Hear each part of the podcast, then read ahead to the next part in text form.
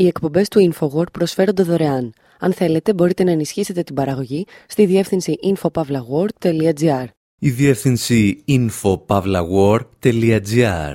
Η εκπομπή InfoWord με τον Άρη Χατζηστεφάνου.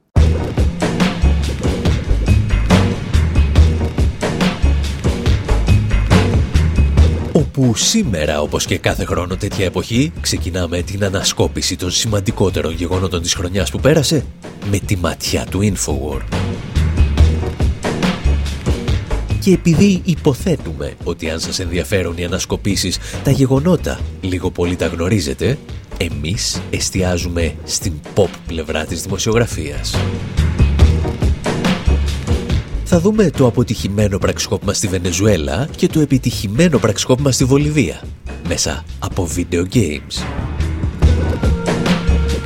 Θα ακούσουμε hip-hop ύμνους για την εξέγερση της Χιλής, για το κίνημα των κίτρινων γυλαίκων στη Γαλλία, αλλά και τραγούδια που γράφτηκαν για έναν ήρωα της εποχής μας, τον Edward Snowden.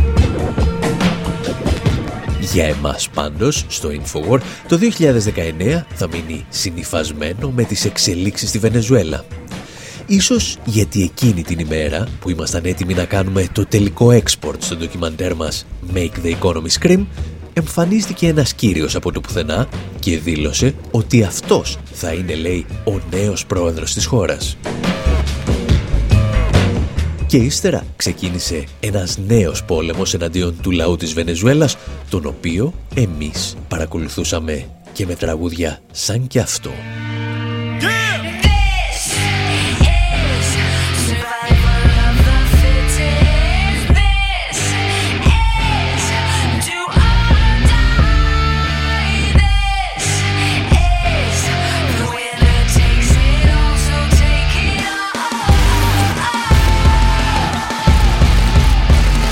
Wasn't ready to be no millionaire. I was ill prepared. I was prepared to be ill though. The skill was there. In the beginning, it wasn't about the ends. It was about busting raps and standing for something. Fucking acronym. Cut the fucking act like you're happy. I'm fucking back again with another anthem. Why stop when it doesn't have to end? It ain't over till I say it's over. Enough when I say enough. Throw me to the wolves and close the gate up. I'm afraid of what'll happen to them wolves when the thought of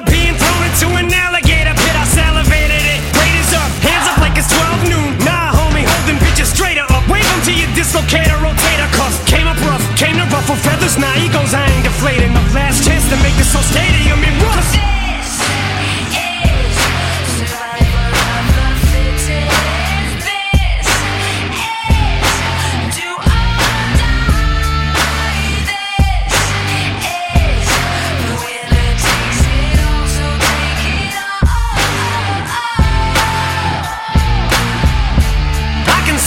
Finish line with each line that I finish. I'm so close to my goals, I can almost pole vault over the goalpost. And if I don't got enough in the tank, maybe I can just siphon enough to fill up this last can. Man, will I survive in this climate or what? They said I was washed up and got a bloodbath. I'm not a rapper, I'm an adapter. I can adjust.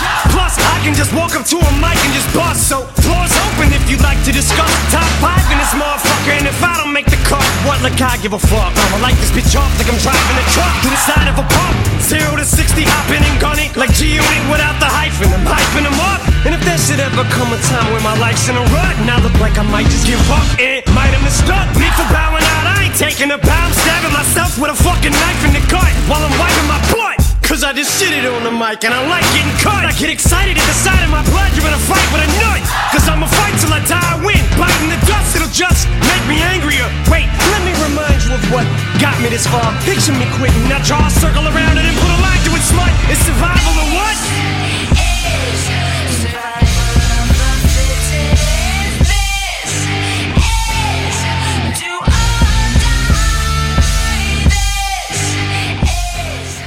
Ο Έμινεμ σε μία από τις πιο δαρδινικές στιγμές της καριέρας του τραγουδάει για την επιβίωση του ισχυρότερου. Και αν έχει τύχει να ακούσετε το συγκεκριμένο τραγούδι σαν soundtrack σε κάποιο video game και δεν θυμάστε σε ποιο, θα σας πούμε εμείς. Παίζατε το περίφημο Call of Duty. Και γι' αυτό είστε οι καλύτερα καταρτισμένοι για να κατανοήσετε τις δηλώσεις που ακολουθούν. Ellos dicen que sobre la mesa, lo dice Donald Trump desde Estados Unidos, principal responsable Donald Trump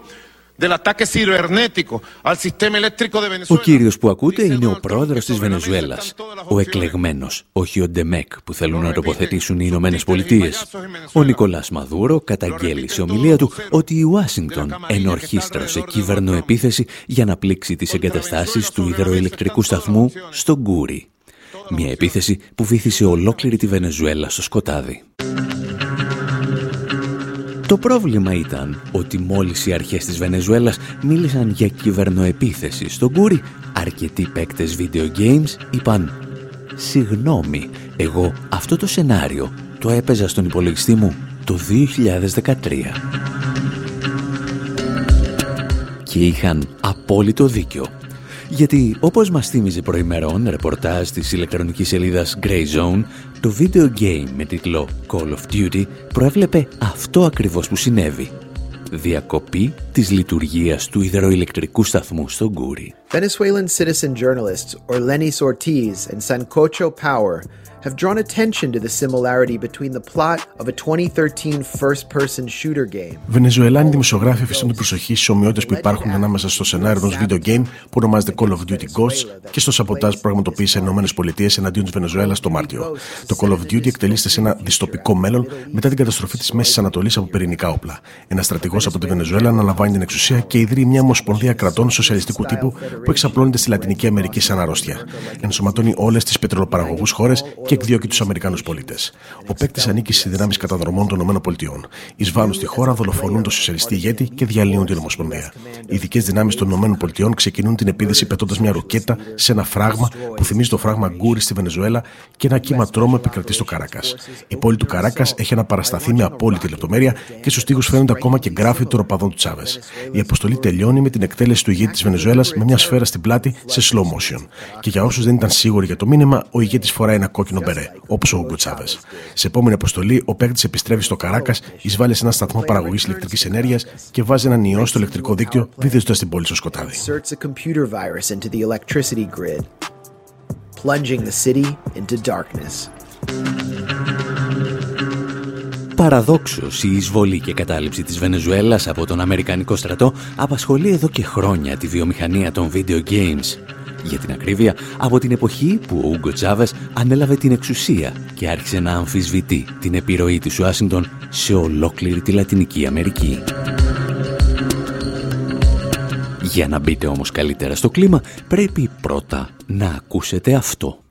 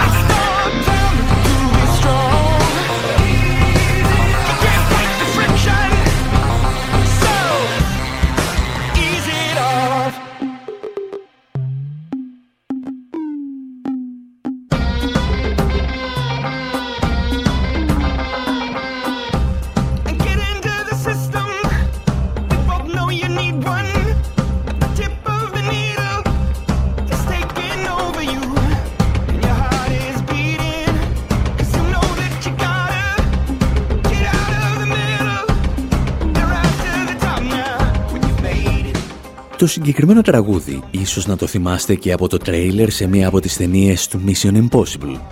Εμείς όμως το χρησιμοποιούμε γιατί ακούγεται και στην εισαγωγή ενός ακόμη video game, του Ghost Recon. Αυτή τη φορά οι καλές ένοπλες δυνάμεις των ΗΠΑ δεν εισβάλλουν στη Βενεζουέλα του Ούγκο Τσάβες ή του Νικολάς Μαδούρο, αλλά στη Βολιβία του Εύω Μοράλες.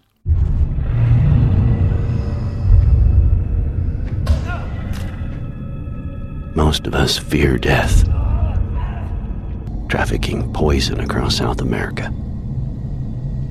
Corroding governments. How do you fight an enemy that doesn't fear death? Maybe you hunt them from the clouds.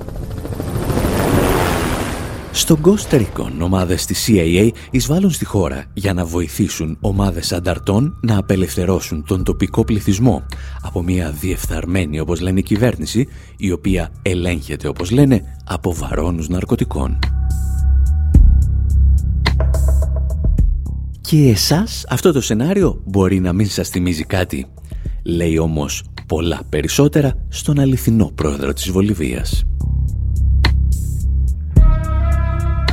Το 2008, λίγο μετά την εκλογική του νίκη, ο Εύω Μοράλες απέλασε τον πρέσβη των Ηνωμένων Πολιτειών στη Λαπάζ με την κατηγορία ότι ενορχίστρωσε την εξέγερση ένοπλων ομάδων σε αρκετές επαρχίες της χώρας. Αν θυμάστε, όπως εξηγήσαμε και σε πρόσφατη εκπομπή, το 2008 στις πλουσιότερες επαρχίες της χώρας που ζητούσαν μεγαλύτερη αυτονομία, η αντιπολίτευση κατέφυγε σε ακραίες μορφές βίας. Οι δεξιοί κυβερνήτες οργάνωναν καταλήψεις κτηρίων, κατέστρεφαν δημόσια περιουσία και έκλειναν αγωγούς φυσικού αερίου.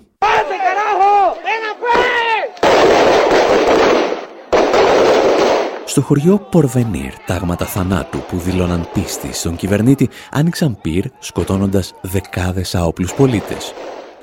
Και όπως εξηγούσε τότε ο Τζιμ Σούλτς, μέλος του Ιδρύματος για τη Δημοκρατία στη Βολιβία, ο Αμερικανός πρέσβης έτυχε να βρεθεί στην περιοχή των επεισοδίων λίγες μόλις ώρες πριν αυτά ξεσπάσουν.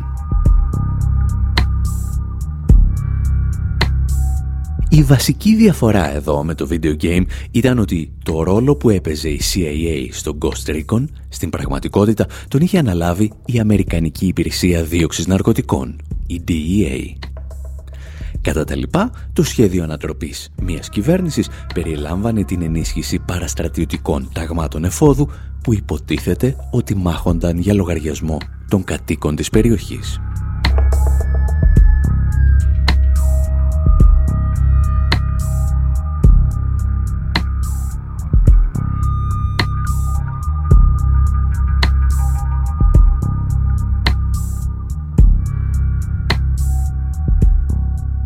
Δύο video games λοιπόν προέβλεπαν την προσπάθεια ανατροπής των δημοκρατικά εκλεγμένων προέδρων της Βενεζουέλας και της Βολιβίας. Η πρώτη προσπάθεια όμως απέτυχε, ενώ η δεύτερη δυστυχώς πέτυχε. Ίσως γιατί στην περίπτωση της Βενεζουέλας ευχήθηκε καλή επιτυχία στους πραξικοπηματίες η κυβέρνηση Μητσοτάκη. Κάτι που δεν έκανε για τη Βολιβία. Περισσότερα για αυτά όμως μπορείτε να δείτε στο ντοκιμαντέρ μας Make the Economy Scream, το οποίο θα βρείτε στη διεύθυνση maketheeconomyscream.com.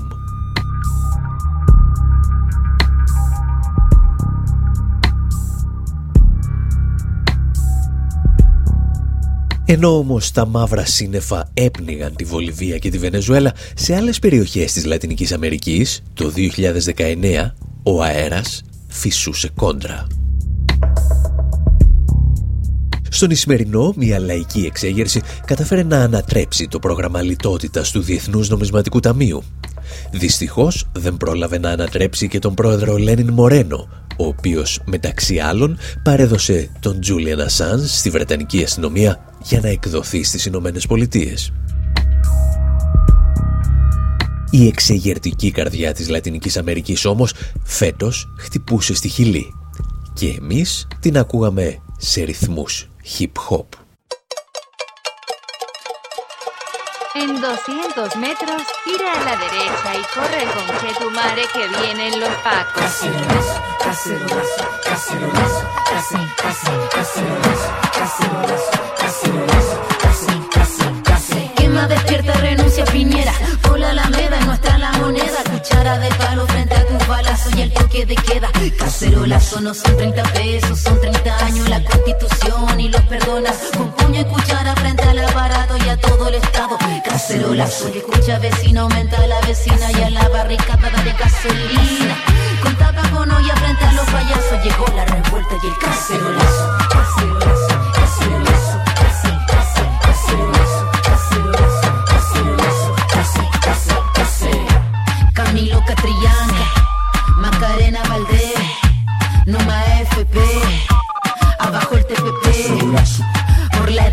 corazones y por la salud. Ni la razón ni la fuerza. No más esclavitud. Cacerolazo, cacerolazo, cacerolazo, casi, casi, cacerolazo, cacerolazo, cacerolazo, casi, casi, casi. Escucha de lejos la cacerola, si la olla suena que no estamos piola. Metemos la cuchara frente al guanaco, no tenemos miedo. Cacerolazo no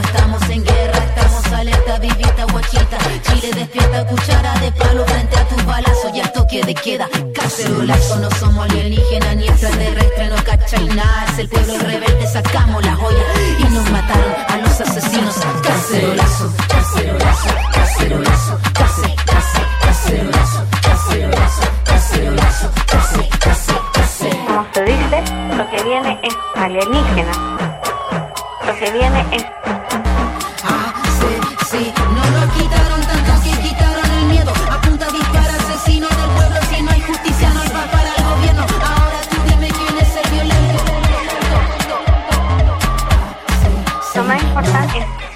κασερολάσο που ακούτε είναι ένα από τα τραγούδια που γράφτηκαν για τον ξεσηκωμό της χιλής και σε λίγα 24 ώρα απέκτησαν χαρακτηριστικά θρύλου. muy, muy, muy bien. Δεν είναι τα 30 πέσος, είναι τα 30 χρόνια, τραγουδά η Άννα Τυχού. Σε ελεύθερη απόδοση δεν μας πείραξε η αύξηση στην τιμή της βενζίνης, αλλά το γεγονός ότι ζούμε εδώ και 30 χρόνια με ένα σύνταγμα που άφησε πίσω της η δικτατορία του Πινοσέτ. Εμείς ήρθαμε μόνο με τα τηγάνια μας, συνεχίζει η Άννα Τυχού, και αυτοί μας σκοτώνουν. Και φυσικά, μιλώντας για τηγάνια, αναφέρεται στο κλασικό λατινοαμερικάνικο κασερολάσο, την ηχηρή διαμαρτυρία με κατσαρόλες.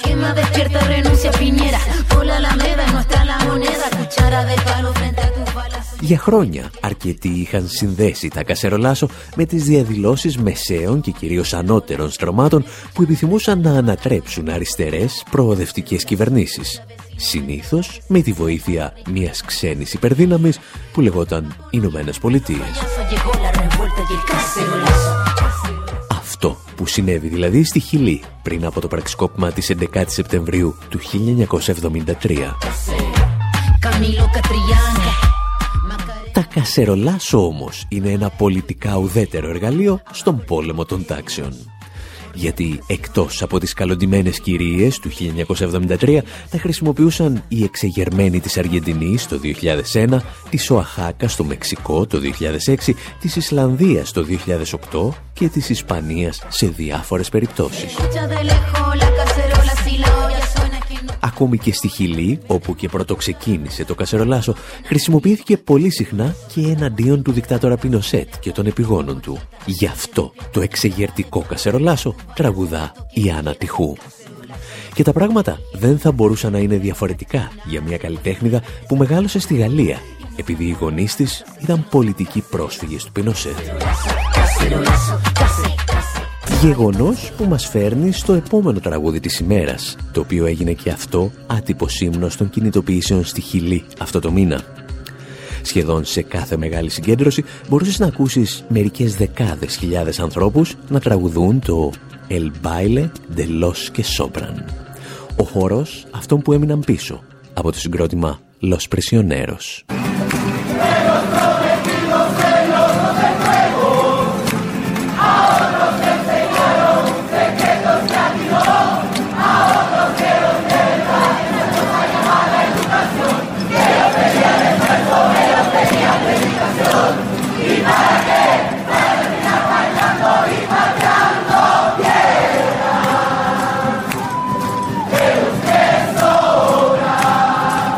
Το El Baile de los que Sobran θα γίνει λοιπόν ο δεύτερος από τους τρεις σημαντικότερους ύμνους των κινητοποιήσεων στη Χιλή.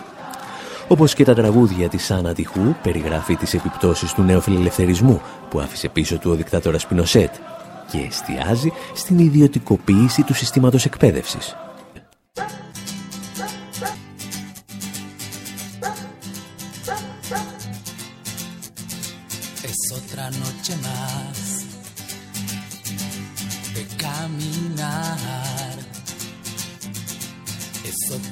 de mes,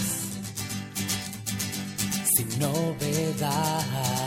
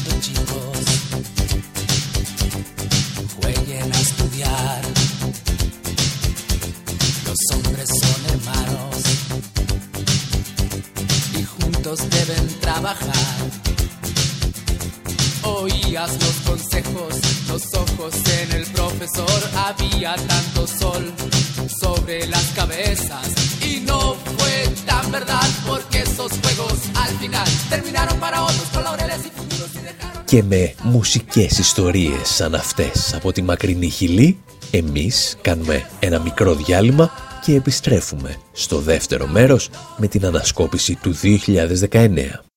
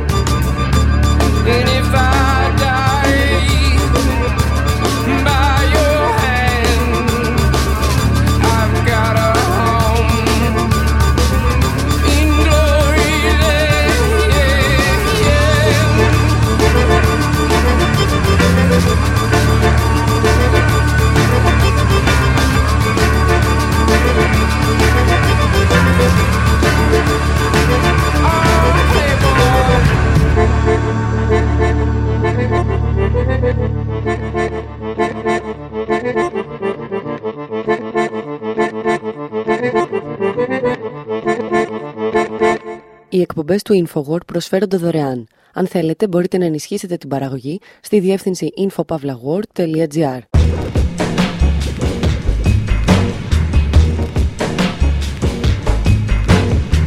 Εκπομπή Infowar, μέρος δεύτερο. Όπου συνεχίζουμε την ανασκόπηση της χρονιάς που πέρασε, πάντα με τη ματιά του Infowar και σε ρυθμούς αρκετά μουσικούς. Το 2019 ήταν αναμφισβήτητα μια χρονιά λαϊκών εξεγέρσεων και κινητοποιήσεων. Από τον Ισημερινό μέχρι το Λίβανο και από τη Χιλή μέχρι το Ιράκ. Στην Ευρώπη πάντως το ρυθμό έδωσαν τα κίτρινα γυλαίκα. Αν όχι η μεγαλύτερη, σίγουρα μία από τις μακροβιότερες κινητοποιήσεις πολιτών που έχει γνωρίσει η γυραιά Ήπειρος εδώ και δεκαετίες, εάν όχι αιώνες.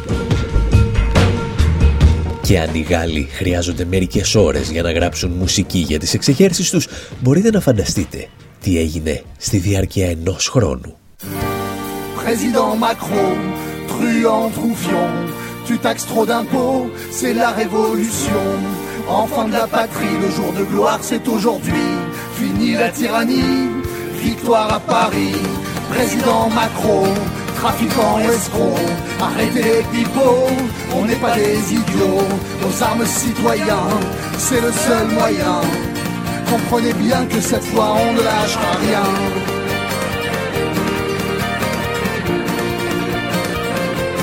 Voilà le salarié, l'agriculteur, le retraité, l'entrepreneur, l'écolier, chauffeur, livreur, ton père, ta mère, tes frères et sœurs. Sortez les gilets contre ce gouvernement. Montrons qui on est, ça ne sera plus comme avant. Liberté, égalité, fraternité ont déserté. Ton peuple est fâché de toujours être trop taxé.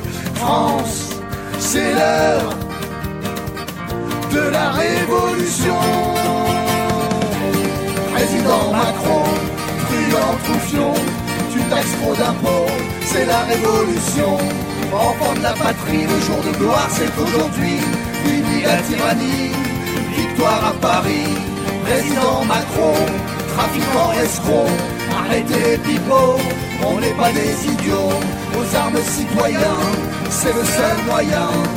Comprenez bien que cette fois on ne lâchera rien. L'Élysée, tu t'es planqué avec tes associés bien placés. Crois-moi, tu seras détrôné, tu riras jaune comme nos gilets. L'hexagone a bien changé, on n'a plus peur de se montrer. Point en l'air, sourcils froncés, ensemble on va foncer. C'est l'heure de la révolution. Président Macron, truand, troufion, tu taxes trop d'impôts, c'est la révolution. Enfant de la patrie, le jour de gloire c'est aujourd'hui. Fini la tyrannie, victoire à Paris. Président Macron, trafiquants, escrocs, arrêtez les pipeaux, on n'est pas des idiots. Aux armes citoyens, c'est le seul moyen. Comprenez bien que cette fois on ne lâchera rien. Président Macron, truand, troufion, tu taxes trop d'impôts, c'est la révolution. Enfant de la patrie, le jour de gloire c'est aujourd'hui. Fini la tyrannie, victoire à Paris. Président Macron, trafiquants, escrocs, arrêtez les pipeaux, on n'est pas des idiots. Aux armes citoyens, c'est le seul moyen. Comprenez bien que cette fois on ne lâchera rien. Εάν όλη αυτή την ώρα πιστεύετε ότι το τραγούδι λέει President Macron, όπως νομίζαμε κι εμείς όταν το πρώτο ακούσαμε, να σας πούμε ότι λέει President Μακέρο, όπου Μακέρο είναι βέβαια και το σκουμπρί, αλλά συνήθως στη Γαλλία εννοούν τον Ταβατζή. Το τραγούδι παρουσιάζεται ως ο επίσημος ύμνος των κίτρινων γυλαίκων και οι δημιουργοί του μας καλούν να ενισχύσουμε το κίνημα δίνοντας ένα ευρώ για να το κατεβάσουμε σε μορφή MP3. Και ενώ εμείς δεν είχαμε χρόνο να διασταυρώσουμε τη συγκεκριμένη πληροφορία, το δώσαμε το ευρώ και δεν το μετανιώσαμε καθόλου. Οι δημιουργοί του τραγουδιού απευθύνονται στον ίδιο τον πρόεδρο της Γαλλίας που κρύβεται όπως λένε στο προεδρικό μέγαρο και του υπόσχονται ότι σε πολύ σύντομο διάστημα θα τον έχουν εκθρονήσει. Η μόνη λύση, λέει, είναι μια επανάσταση των εργαζομένων και των αγροτών, των φοιτητών, των συνταξιούχων, αλλά και των τελιβεράδων.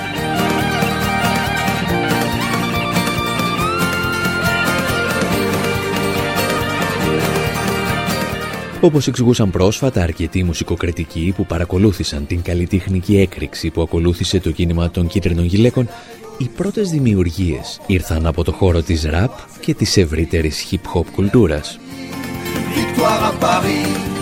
Και εδώ σημείωνε ο Όλι Χέινς που παρακολούθησε αυτό το μουσικό ξέσπασμα παρατηρήθηκε και μια σημαντική στοιχουργική αλλαγή. Καλλιτέχνες που μέχρι σήμερα απλώς περιέγραφαν τις μαύρες συνθήκες της ζωής τους, συνήθως στα προάστια των γαλλικών μεγαλοπόλεων, άρχισαν να προσθέτουν θετικά μηνύματα στα τραγούδια τους. Όπως λόγου χάρη ο Πάπη Σίτο, που μετατρέπει το σύνθημα «Αλέ Λεμπλέ» που ακούγαμε στο Παγκόσμιο Πρωτάθλημα Ποδοσφαίρου σε «Αλέ Λεζιλεζόν».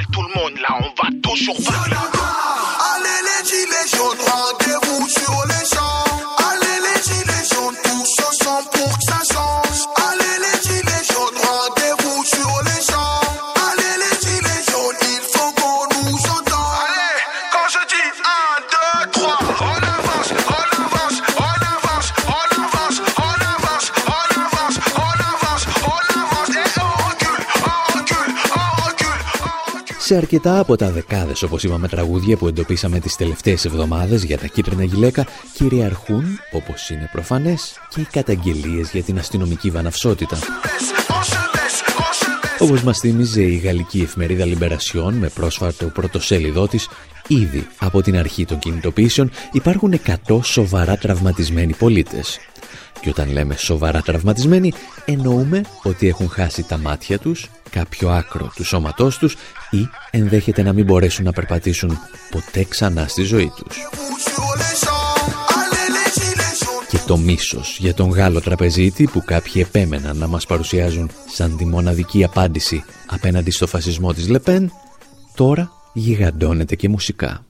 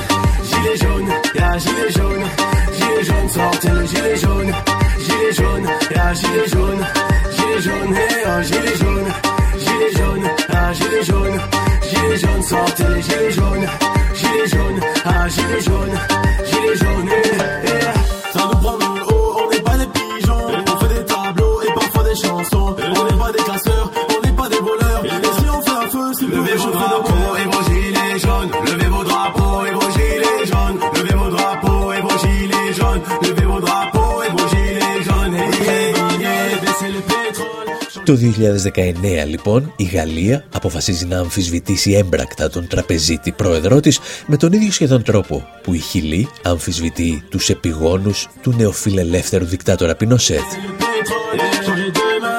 Η χρονιά των εξεγέρσεων και της έντασης όμως θα αποδειχθεί αρκετά πιο υποτονική σε ένα άλλο κρίσιμο ζήτημα της εποχής μας. Στην προστασία των whistleblowers, των πληροφοριοδοτών δημοσίου συμφέροντος. Ο Τζούλιαν Ασάνς παραδίδεται από τον Ισημερινό στους διώκτες του και σύμφωνα με γιατρούς που τον έχουν εξετάσει βρίσκεται πλέον ένα βήμα πριν από το θάνατο. Αποκλεισμένος κάπου στη Ρωσία βρίσκεται και ο Έντουαρτ Σνόντεν, ο άνθρωπος που αποκάλυψε σε όλο τον κόσμο το γιγαντιαίο σύστημα παρακολουθήσεων των Αμερικανικών μυστικών υπηρεσιών. Εμείς τον θυμηθήκαμε αυτή τη χρονιά με αφορμή την κυκλοφορία του βιβλίου του «Το Μεγάλο Φακέλωμα» που μπορείτε να διαβάσετε και στα ελληνικά. Ετοιμάσαμε το top 10 των τραγουδιών που γράφτηκαν για τον Σνόντεν και σας παρουσιάζουμε σήμερα μερικά από αυτά. I think, you know, saying that you don't care about the right to privacy because you have nothing to hide is no different than saying you don't care about freedom of speech because you have nothing to say. Uh, it's a deeply anti-social principle because rights are not just individual, they're collective. And what may not have value to you today may have value to an entire, you know, population, an entire people, uh, or an entire way of life tomorrow. And if you don't stand up for it, then who will? And if you don't stand up for it, then I will.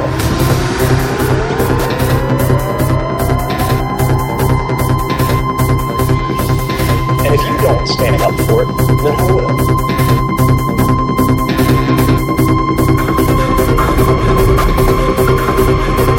And if you don't stand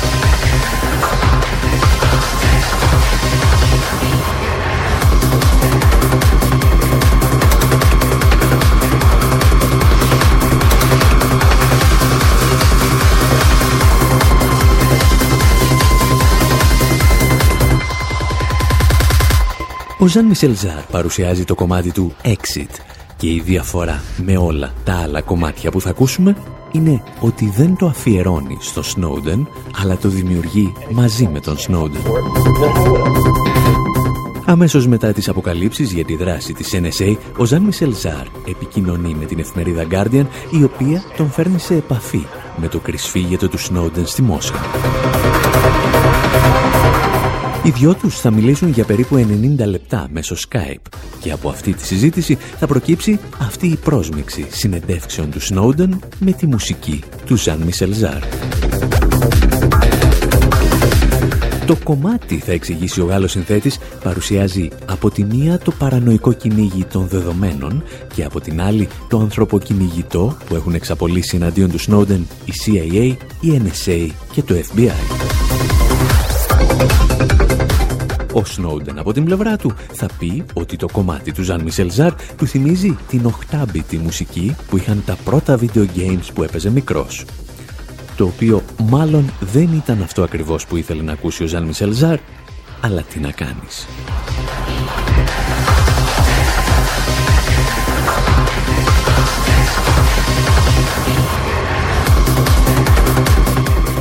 Το βέβαιο είναι ότι ο Ζαν Μισελζάρ θα χρησιμοποιήσει ίσως την πιο γνωστή και εύστοχη φράση που έχει εξτομίσει ποτέ ο Σνόντεν και την είπε για πρώτη φορά σε μια συνέντευξή του στον Guardian. People who say uh, they don't care Όσοι λένε ότι δεν τους ενδιαφέρει η ιδιωτικότητα επειδή δεν έχουν τίποτα να κρύψουν, δεν έχουν σκεφτεί βαθιά για το θέμα. Αυτό που λένε στην πραγματικότητα είναι δεν με ενδιαφέρει αυτό το δικαίωμα.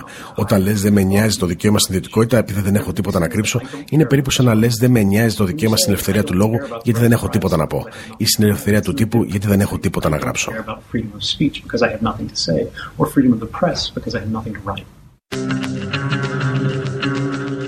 Και με αυτές τις σκέψεις του Σνόντεν περνάμε αμέσως στο δεύτερο κομμάτι του σημερινού Top 10 αφού σας εξηγήσουμε ότι η κατάταξη δεν σχετίζεται με το πόσο μας αρέσει κάθε τραγούδι. Στα ηχεία σας η North Lane.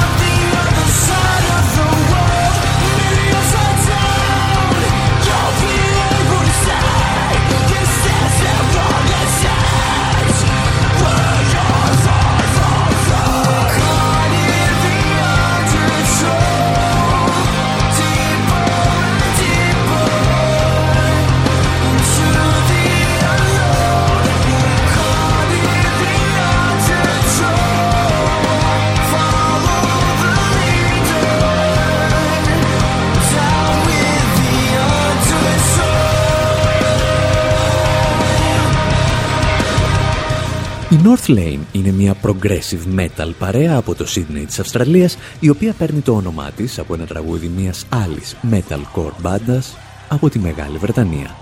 Αλλά αυτό ποσός μας ενδιαφέρει σήμερα. Σημασία για εμάς έχει μόνο το γεγονός ότι αφιερώνουν το τραγούδι τους στον Edward Snowden. Τραγουδούν για κλειστά κυκλώματα παρακολούθησης που λειτουργούν 24 ώρες την ημέρα, 7 ημέρες την εβδομάδα καταγράφοντας όλα όσα έχουμε κάνει και όσα θα κάνουμε. Και ίσως σε αυτή τη λεπτομέρεια να κρύβεται η ουσία από ολόκληρο το νέο βιβλίο του Σνόντεν.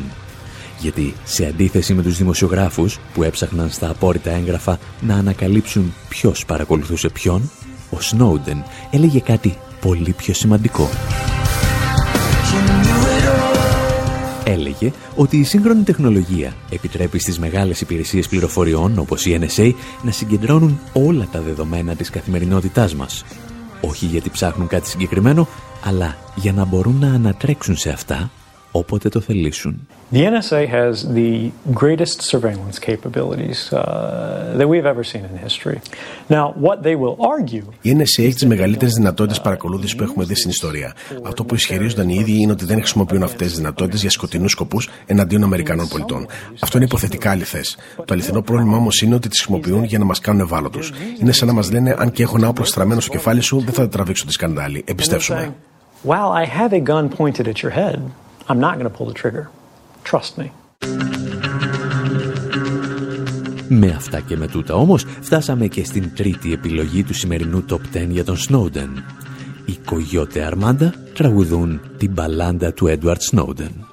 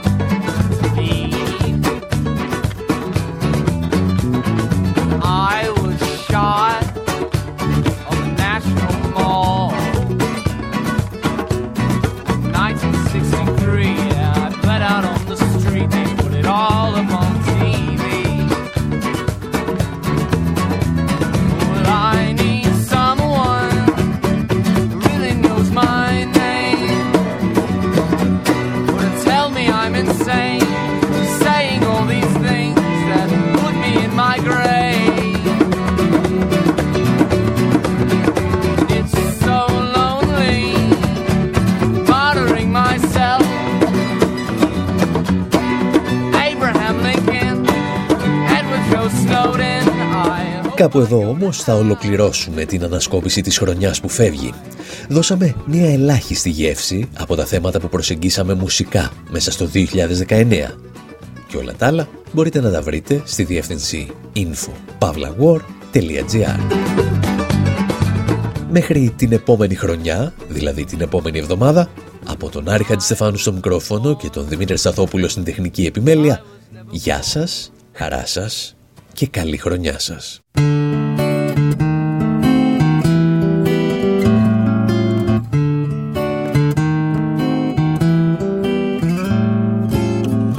We'll meet again Don't know where Don't know when But I know we'll meet again Some sunny day keep smiling through, just like you always do, till the blue skies drive the dark clouds far away. And will you please say hello to the folks that I know? Tell them that I won't be long happy to know that as you saw me go, I was singing this song. We'll meet again, don't know where, don't know when, but I know we'll meet again some sunny day.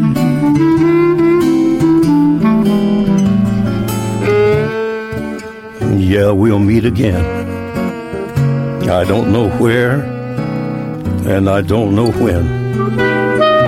But I do know that we'll meet again some sunny day.